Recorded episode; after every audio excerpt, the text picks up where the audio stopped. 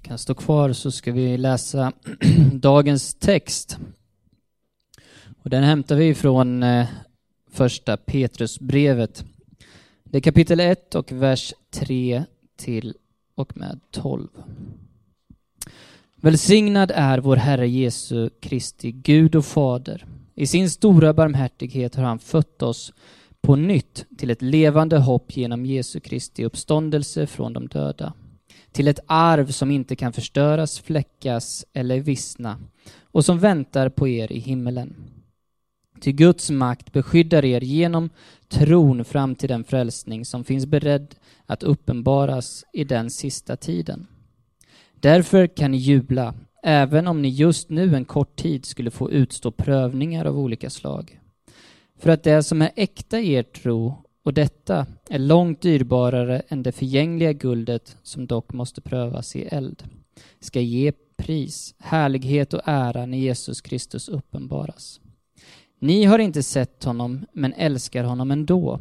Ni ser honom ännu inte, men tror på honom och kan jubla i outsäglig himmelsk glädje då ni nu står nära målet för er tro, era själars räddning. Det var denna räddning som profeterna sökte och forskade efter när de profeterade om den nåd som ni skulle få. De ville utröna vilken och vad slags tid som Kristi ande i dem syftade på när den förutsade de lidanden Messias måste utstå och den härlighet som skulle följa. Det uppenbarades för dem att det inte var sig själva utan er som de tjänade med sitt budskap. Detta har nu kungjorts för er av dem som i helig ande sänd från himmelen kommit till er med evangeliet. Detta som änglarna längtar efter att få blicka in i. Det är Guds ord till oss idag. Varsågod och sitt och välkommen Daniel. Tack Linus. En klassisk bild på någonting som förfinas och renas. Man säger ja, men rent som, som äkta guld. Och när guld utvinns i Klondike, back in the day, när alla åkte dit och försökte vaska fram och bryta fram och man längtade efter den här äh, perfekta guldklimpen. Så är det ju bara så att det fanns ingen helt perfekt guldklimp. Det fanns ju stora guldklimpar, men vad man alltid gjorde med det här guldet var att man, man lät det passera genom eld. Passera genom hög, hög temperatur. Och så skiljer man, naturligtvis då, man skiljer ju det rena guldet från det som inte, som smutsar ner guldet, som gör att det inte är rent guld. Och det är egentligen det här, det är det här som Petrusbrevet handlar mycket om. Att eh, rena genom prövningar, att få fram det här fantastiska guldet. Jag vet inte hur det är med dig, men för mig är det en verklighet att det är så svårt. Det är så erbarmligt svårt att ge det bästa till de som står mig närmast.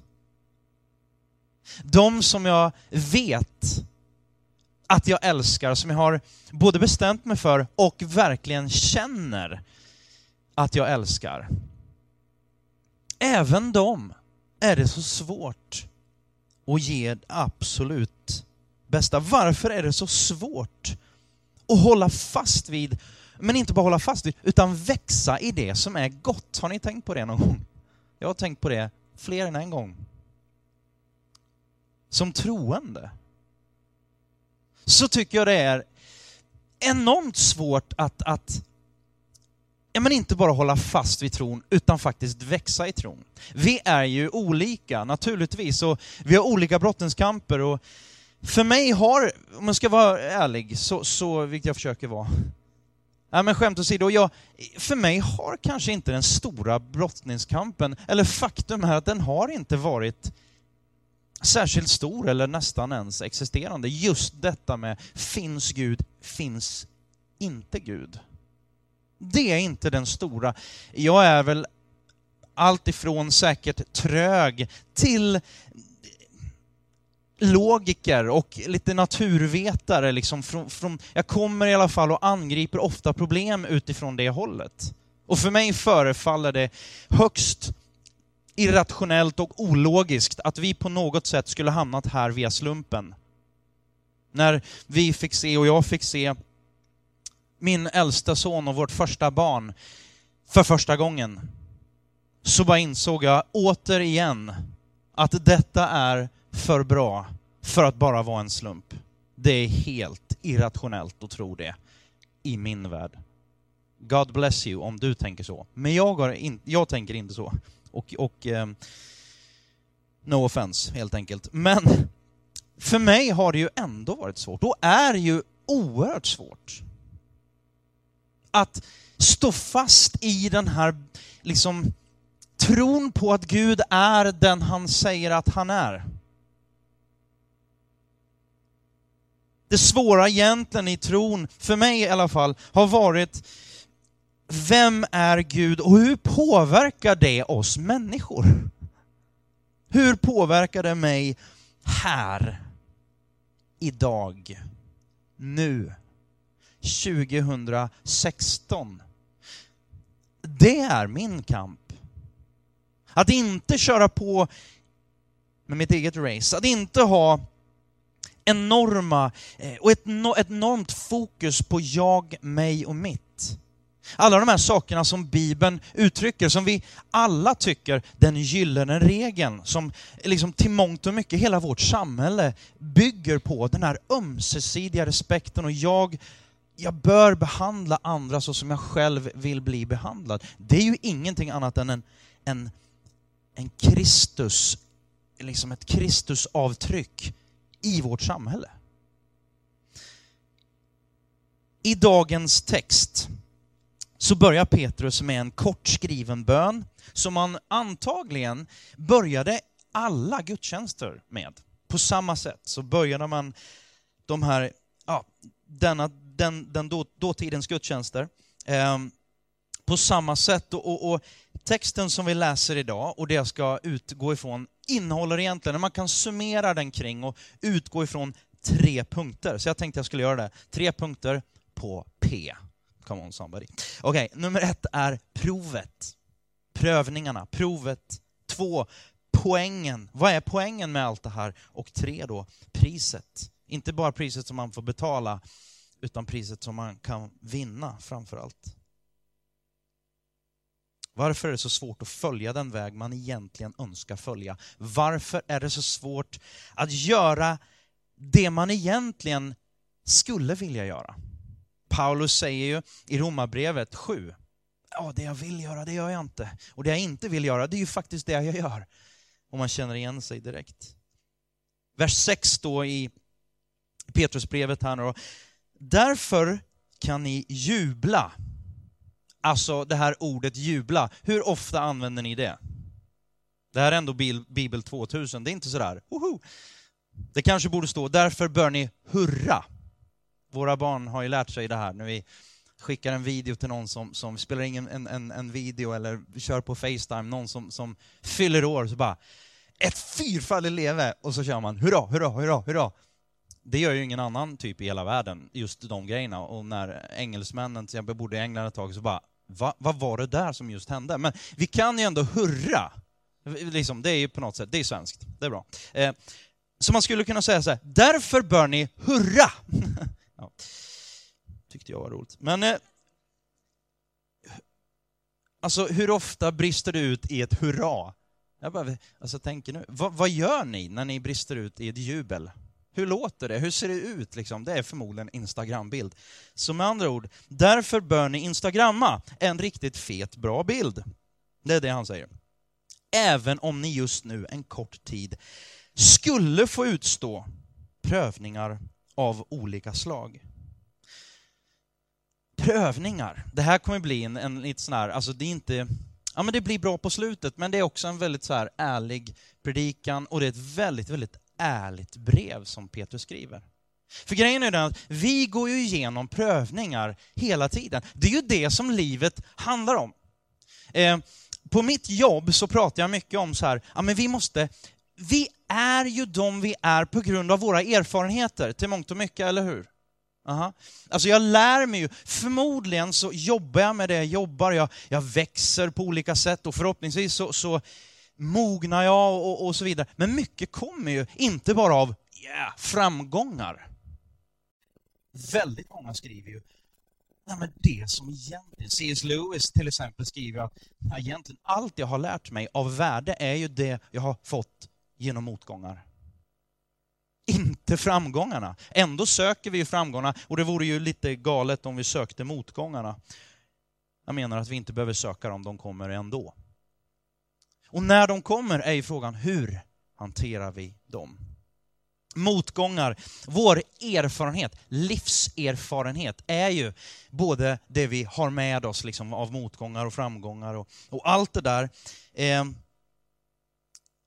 och man tänker så här att om jag blir troende, om jag följer Gud, om jag gör det som är rätt, ja men då borde ju, då borde det ju gå bra för mig. Då borde det ju bli färre motgångar. Det är ju logiskt, tänker man ju.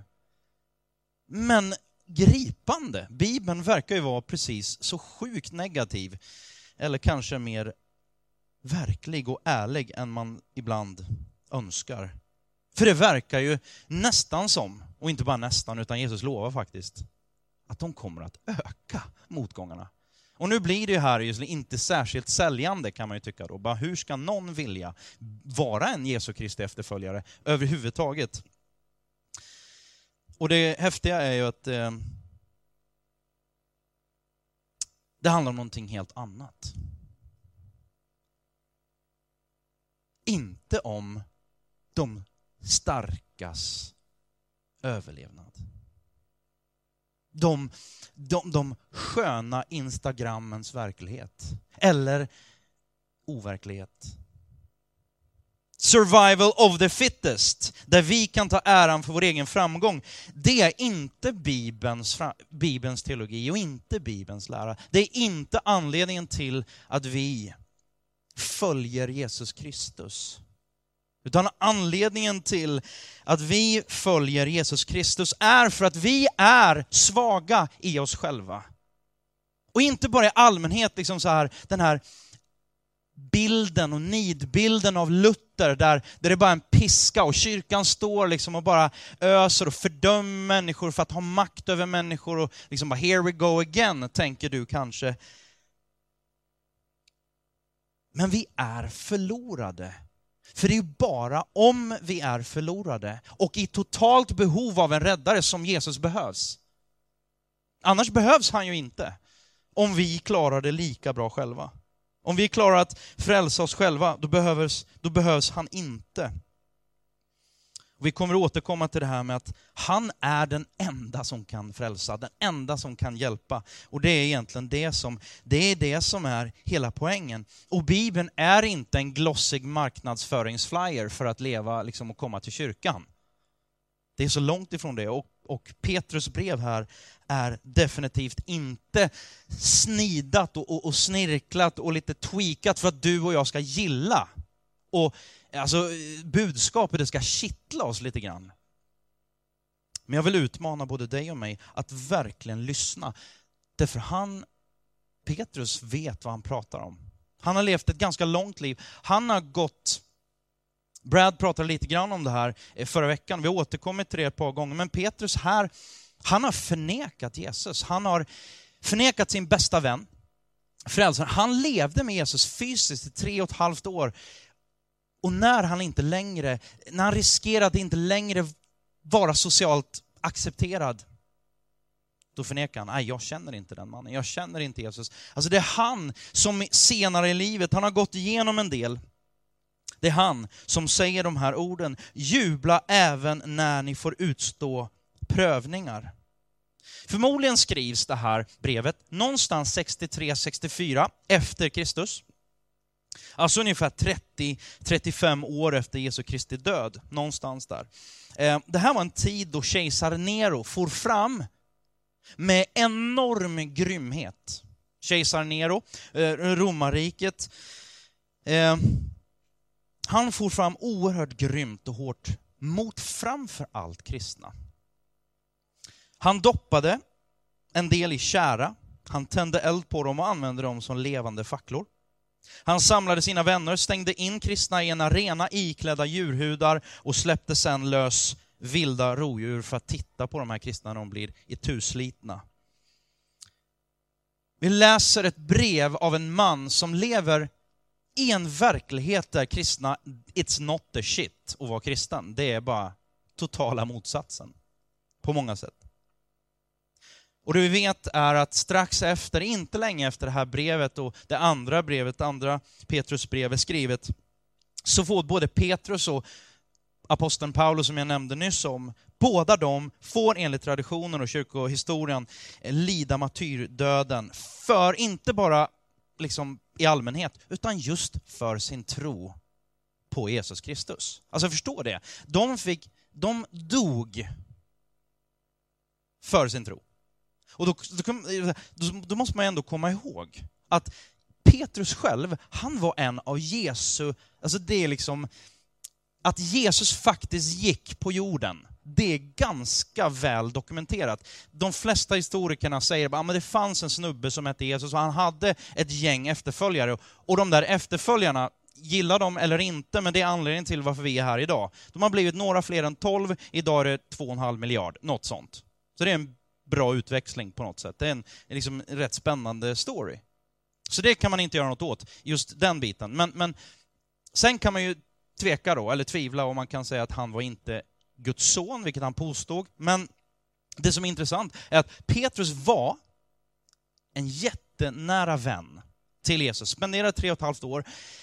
Och det förefaller för mig fullt ja, väldigt ologiskt att man så många år efter att han har gått bort, han finns inte längre där, att man fortfarande är beredd att dö för någonting, om man nu hade vetat att ja, det här är, en bra, det här är ett bra PR-trick, liksom, typ så.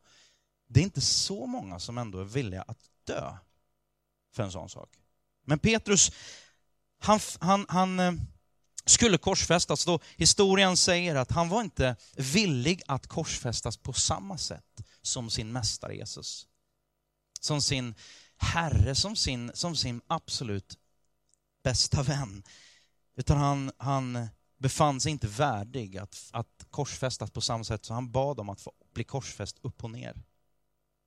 Paulus blev halshuggen. Och jag tänker att det är ganska viktigt att ha med det när man läser ett sånt här brev. För det är skrivet av en man som har vissa förutsättningar, en viss bild, en viss erfarenhet och en viss verklighet.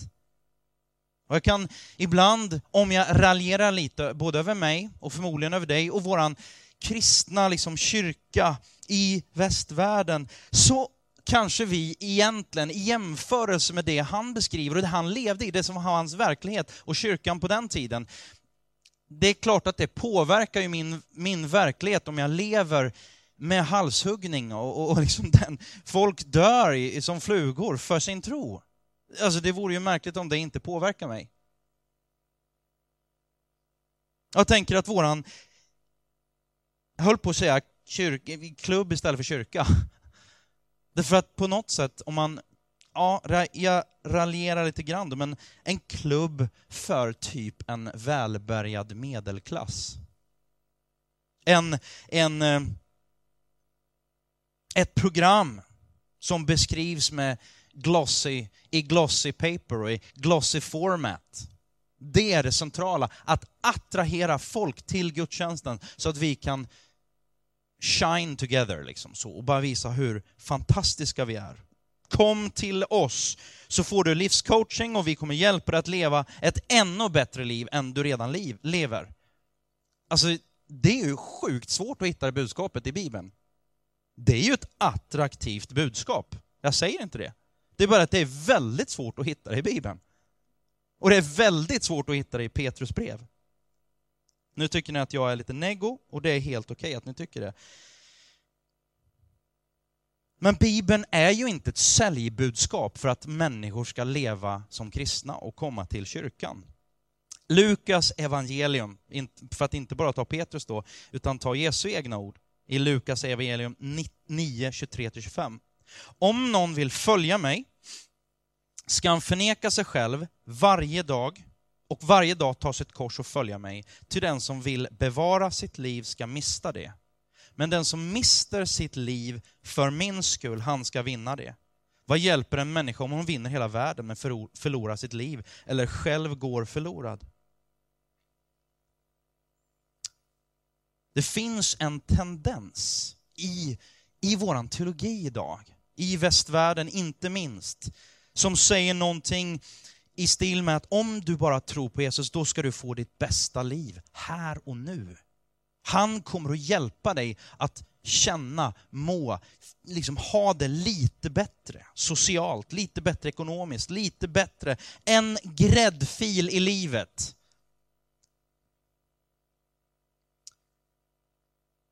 Det är helt otänkbart för Petrus i Petrusbrevet. Vi har alla prövningar i allmänhet, men i synnerhet här så talar Petrus om att, ha, att bli förföljd, att, att, att möta prövningar på grund av att man faktiskt är kristen. Att vara gäst och främling egentligen, så, så borde den heta främling, men också, vad säger man, motsatsen? Inbö... In, vad säger man?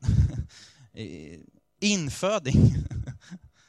För vi, det är ju som någon slags både och förhållande. Och det är det som, som Petrus beskriver här prövad tro är hållbar tro. Ehm, och den första biten där då, provet och prövningarna liksom så. Ehm, förföljelse, eller prövningar då, yttre prövningar på olika nivåer. Allt ifrån marginalisering, och det är någonting som jag skulle säga att vi tydligt upplever i, i Sverige. Marginalisering av den kristna tron. Det finns ju få saker, jag citerade det här för någon vecka sedan, Peter Stormare när han berättar om, om sin idé, liksom så här, ja men det skulle vara helt okej, okay, hans, hans Facebook-inlägg där, skulle vara helt okej okay att ställa sig på Dramatens stora scen och i två och en halv timme liksom spy ut obsceniteter och, och, och könsord. Och så avslutar den här två och en halv timmes monologen då med, att, med en hink på scenen och uträtta sina behov. Det hade varit mer socialt PK än att faktiskt bara ställa sig upp och säga, jag tror på Gud. Jag tror att Jesus Kristus är Guds son. Och att mitt liv behöver rimma med det och påverkas av det. Och då tänker jag så här, väldigt mycket av eh, vårt samhälle, i grund och botten, eller i alla fall väldigt mycket, kan man track, trace back, liksom, man kan gå tillbaka och, och grundläggande så finns det, och, och, och våra värderingar vilar på biblisk värdegrund. Våra traditioner, många av dem är direkt knutna, knutna till kristet arv. Ändå har man jagat efter sekulariseringen med stor passion. Nu skriver de på Skolverkets hemsida faktiskt att de här eh, som stod i bräschen för att prata om sekularisering, att det var ett faktum eh, och att kyrkan är history. För typ 15-20 år sedan, samma personer skriver idag, du kan gå in och kika på Skolverkets hemsida, de säger typ så här, vi kunde inte haft mer fel. Sekulariseringen är history. Tro och religion och liksom andlighet, det är på väg tillbaka. Liksom big time i storformat. Intressant att de skriver det på, på, på eh, Skolverkets hemsida. Um, Marginalisering, en annan sak som har med det att göra naturligtvis, det är ju social exkludering. Och jag tror att där, jag, jag, tror att de flesta vi kan leva med att vi är lite marginaliserade. Men jag tror att väldigt många, vare sig man är kristen, man är liksom, ja, vad man nu är för någonting, om det är någonting, men även som kristen, om det är någonting jag kan göra för att slippa bli socialt exkluderad, då kommer jag göra det. Jag börjar kompromissa. Vissa saker, liksom, det, det... Petrus, han, han, han, han förnekade Jesus. Och det, var, det, hade ju mycket, det hade ju mycket med det här att göra. Social exkludering. Den sista då, om man nu bara väljer de här tre, det är väl regelrätt. Regelrätt förföljelse där du blir hånad, där du kanske påverkar dig juridiskt. I vissa länder så är det dödsstraff på att bli och kanske till och med vara kristen. Jag läste någonting här på förmiddagen faktiskt, eh, som jag inte visste tidigare. Eh, Nicenska kyrkomötet känner vi, vi, vi kanske till eventuellt. Vi läser, vi kommer att läsa trosbekännelsen här.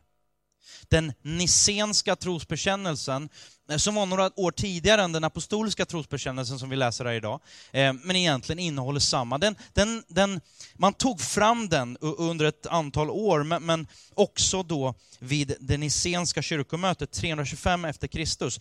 Där var det 318 delegater. Det var, det var eh, präster, det var, det var eh, ja, kyrkans män och kyrkans ledare var där. Hela liksom, kyrkans ledarskap var där. Och då sägs det att färre än 12 av de här 318, så alltså minst 306 av de här delegaterna, hade antingen förlorat ett öga, eller en hand, förlorat ett ben, eller blivit pryglad på så sätt att man inte kunde gå upprätt på grund av sin tro. 306 av 318 präster, kyrkans ledare, hade fått ut, genomgå och utstå förnedring och förföljelse. Fysiskt. Jag tycker bara det är intressant. Jag tänker, vad händer med min teologi och min tro när den sätts på prov? Helt plötsligt så pratar vi om, vi pratar om guld och renande. Vad händer med min tro? Kort bara, en kille som jag mötte, jag har mött ett antal gånger. Eh, och jag har haft förmånen att få, få resa, nu var det några år sedan, men eh, varit i södra Sudan. Varit i Sudan där och, och så eh, undervisade vi, det var, det var framförallt pastorer, men det var också andra ledare och, och idrottsledare och det var, ja, det, det, var, det var en massa ledare. Så, här. så vi var nere och fokuserade framförallt då på, på både ledarskap men också bibliskt ledarskap och, och, och herdeskap och hela den, den biten. Så där. Men då var det en kille som hette Emanuel, han heter Emanuel, som eh, just då studerade och bodde i Khartoum alltså i norra Sudan. Och det här var eh, 2010, det här var innan eh, södra Sudan blev en, en självständig nation. Hur självständig den nu är i frågetecknet då. Men så han åkte till, till huvudstaden, bodde i huvudstaden Khartoum. Och så berättar han om när han var hemma hos en vän till sig från skolan. De möttes hemma hos honom och så kom det sig att de började pr prata om sin tro. Den här vännen kom från en muslimsk bakgrund och, och Emanuel då var ju liksom bara full av Jesus. Och började berätta om sin tro på Jesus Kristus. Och, och jag antar att, att det blev ett längre samtal och ganska sådär, förmodligen lite, det var lite djupare samtal så. Och plötsligt kommer den här vännens pappa hem. Och vännens pappa var en, en, en eh, ja, han var en muslimsk eh, troende och, och, väldigt tydlig sådär. Och han, att, att eh, prata då om Jesus på det sättet, det fanns liksom inte med i hans värld. Och det gick så långt så att han, den här pappan blev så vred att han tog fram en pistol som han hade hemma och satte den mot tinningen på Emanuel och sa att om du inte slutar och, och berätta om Jesus så, så då sker det här. Och han bara berättade, och naturligtvis var han ju livrädd. Men han sa bara det fanns någonting i mig som bara visste att jag måste fortsätta att berätta. Och då tänker jag så här, det är ju sjukt ologiskt. Det är ju inte logiskt. Det svenska hade varit så här, bara, nej men hallå, liksom. ta det lugnt, gå och fika. Men för honom var det någonting mer. Jag säger inte att du måste göra så, jag bara säger att det var så han gjorde. Och jag funderar på, vad skulle jag gjort? det här kan ju tendera, och tänker du, du får såna här varningsvibbar och så bara, vi, vi hör om, om, om självmordsbombare och, och, och fanatiker, liksom. den typen av extremfanatism, det hittar du inte i Bibeln. För den extremt stora skillnaden är att det handlar inte om att dö och ta död på andra. Utan om någonting så dog Jesus för någon annan. För fram till ganska nyligen så var fysiskt lidande för sin tro, det var ganska långt bort för oss svenskar. Men nu kommer det till oss, om vi öppnar ögonen lite grann, så kommer det till oss ibland, inte så mycket som, som det egentligen borde, genom media, sociala medier. Ehm, allt ifrån Isis som går fram och agerar fruktansvärt brutalt mot kristna i Syrien och Irak. Även andra naturligtvis, absolut. Men framför allt kristna. Eh, så sent som, som i höstas så blev en kristen syrisk kyrka i Göteborg hotad. Ehm, och vi har även naturligtvis då eh, hot mot, mos, eh, mot, mot eh, synagoger och, och, ja absolut mot, mot moskéer och, och, och sådär också. Men, men det, är, det är ett nytt läge. Och man säger att man räknar med att under 1900-talets 100 år så dog fler för sin kristna tro än i hela de föregående 1800 åren eller 1900 åren put together. Åhörarna för det här brevet då, de börjar få smaka på det här provet och så säger Petrus, därför ska ni jubla. Därför ska ni hurra. Det ligger rätt så långt bort, tänker jag. Vi kanske kommer dit där vi liksom, ja men jag får motgångar och jag, det, det, det kommer emot mig och ekonomiska problem och, och sociala problem och psykiska problem och all, vad, vad det nu kan vara för någonting. Bara, Gud älskar inte mig längre. Gud finns inte i min värld längre. Liksom, kyrkan fyller ingen roll längre och fyller ingen funktion längre. Jag har gjort något fel. Jag tror inte tillräckligt etc. etc. Petrus säger jubla om ni får utstå prövningar. Var glada om er tro. Kostar er någonting? Och då är det ju naturligtvis, det han pratar om är ju just den här förföljelsen på grund av sin tro. Men det är också en, en verklighet att sjukdomar eller ekonomiska problem, vad det nu är för någonting, som bara, som bara dyker upp som en del av livet. Frågan är, håller våran teologi för det? Himmelriket, Matteus eh, 13 och 44. Himmelriket är som en skatt som ligger gömd i en åker. En man hittar den och gömmer den igen och i sin glädje går han och säljer allt han äger och köper den här åkern. Så, så viktigt var det. Så, det är det som Jesus försöker att beskriva. Liksom bara, hur viktigt är himmelriket? Jo, himmelriket är värt allt. Kristen efterföljelse, det är värt allt. Men vi tänker ibland att tron bör lova oss glädje och bara, ja det gör det ju, men, men bort från lidandet. Någon sa så här, vi har lovat, alltså kyrkan har lovat vad tron inte lovar istället för att lova vad tron verkligen lovar. Alltså, vår tro lovar oss glädje i lidandet, inte frihet från lidandet. Jag älskar den här sinnesrobönen som någon kanske har både läst eller hört. Traditionell, liksom, vanlig i, i eh, anonyma alkoholister till exempel, deras sammanhang sådär. Men jag tycker den är fantastisk. Avslutningen är, den är så brutalt ärlig och verklig. Den avslutar med att säga så här, i bönen då, ge mig, Gud, ge mig nåden att få leva, och så kommer de här inte så peppande orden, någorlunda lycklig i detta livet. Ge mig nåden att få leva någorlunda lycklig, lycklig i detta livet. Men så slutar det inte där. Och i fullkomlig salighet tillsammans med honom i det tillkommande. Prövad tro är hållbar tro. Eh, Varför då? Varför ska man komma till tro då? Varför ska man vara en Jesu Kristi efterföljare? För det första, för att man tror att det är sant. För att man tror att vi är döda i våra överträdelser, döda i vår synd och det enda sättet att få liv, det är genom Jesu Kristi offer. Och vi får ta emot det.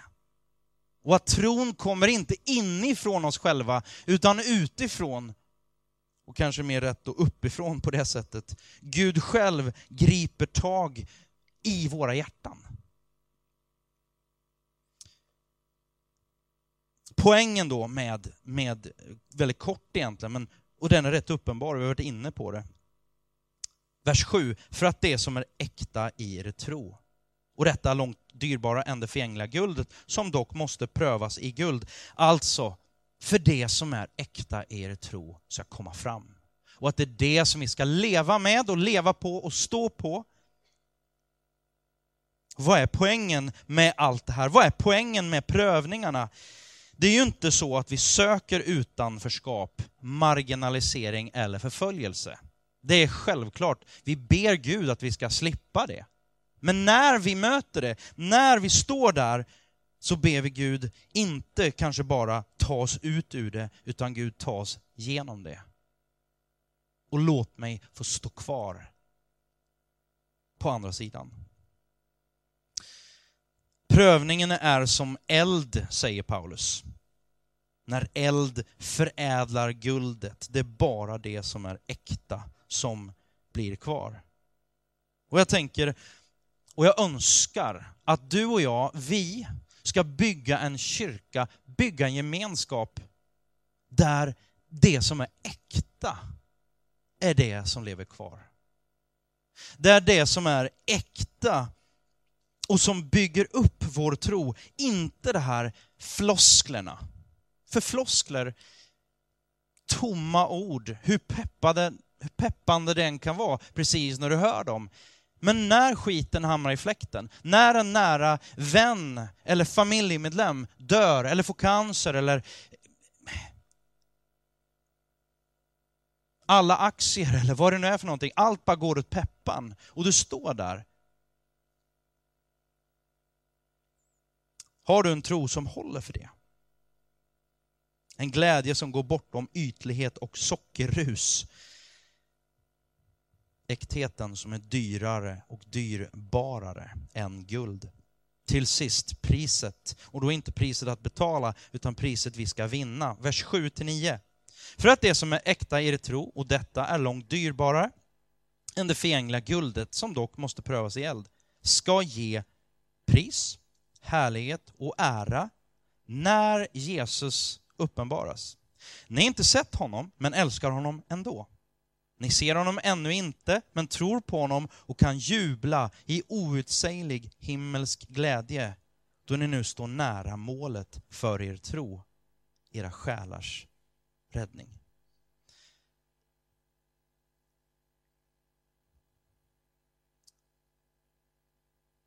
Vi har ett hopp, säger Petrus. Vi har ett hopp i Gud.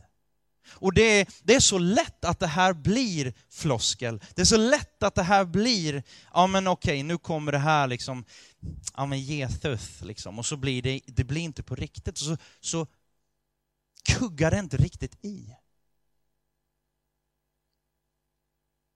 Men i sin stora barmhärtighet, står det, har han genom Jesu Kristi uppståndelse från de döda fött oss på nytt till ett levande hopp ett underbart pris. Han har fött oss. Det finns ett hopp. Mitt i allt det här mörkret, mitt i allt det här som kan kännas så, så motigt, så tungt, mitt i allt det här, det är ju det som, som ska forma motivationen. Inte peptalket, utan någonting annat. Som ska forma den här, som gör att jag så här, nej, vet du vad, jag ska inte sko mig själv, utan jag sträcker ut en, en, en hjälpande hand till en be, behövande, människor, behövande människa. Därför att även om det kostar mig mer, även om det skapar mig lidande kanske, så tänker jag hjälpa, därför att det finns någonting på min insida som säger att det här ger mer. Jesus säger om du, om du så vinner hela världen men förlorar din själ, vad är då? Vad är då det här vinna hela vägen? Vad är det värt? Du kommer ju förlora allt. Den som griper och gapar efter mycket mister ofta hela stycket. Ett hopp om att han en dag ska fullborda sin frälsningsplan och utplåna ondskan för evigt och upprätta sitt fullkomliga rike där himmel och jord återigen ska förenas. Vi tänker att gudstjänsten mm, får vara en liten försmak. Inte i liksom rolighet. Inte i fräschhet med bara de, liksom, ja, vad det nu skulle kunna vara för någonting. Men i nattvarden. Där, vi, där, där himmel och jord möts. Där Gud säger, här är jag. Ta del av mig, smaka på mig och se att jag är god. Där våra, e-, e-, en plats där våra sår ska helas för evigt. Där våra hjärtan är befriade från allt som tynger oss. Där vår ångest, vår oro, våra bekymmer, våra lidanden är borta för alltid. Är det här bara opium för folket? Jag tror inte det. Och jag tror inte att det är en slump att vi är här. Och jag tänker liksom att självklart ska vi inte gå hem och tänka att ja, nu är allting bara det är mörkt och det är dystert. Petrus talar om hoppet. Men när vi möter det mörkra och det dystra, helt plötsligt kommer ett ljus in i det där. Jag kom att tänka på, jag satt och funderade på det, våra goda vänner och, och några av er känner dem också säkert. Eh, har hört talas om dem, om inte annat. De bor i, i, i bland annat, visst är det Burma och ja, Thailand. Eh, Daniel Paulina Brolin som, som satt i en fängelsehåla, eh, var missionärer och, och, och eh, blev kidnappade och, och satt i en fängelsehåla i, i Kaukasien i 163 tror jag, dagar, eller något där, 165, något sånt. Och de berättar liksom bara kort om att ja, men det är klart att deras liv blev ju förvandlade. Det var ju hemskt. De levde under skräck varje dag. Men där någonstans förädlades också deras tro.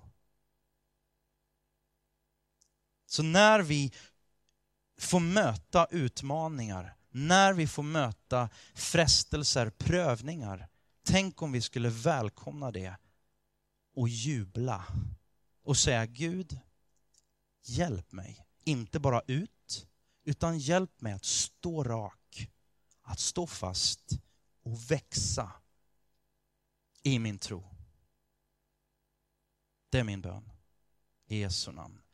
Herre, jag ber dig att du skulle hjälpa oss. Eh, att du skulle hjälpa oss att lyfta vår blick bort, eh, inte bara stirra oss blinda på oss själva, på jag, mig och mitt.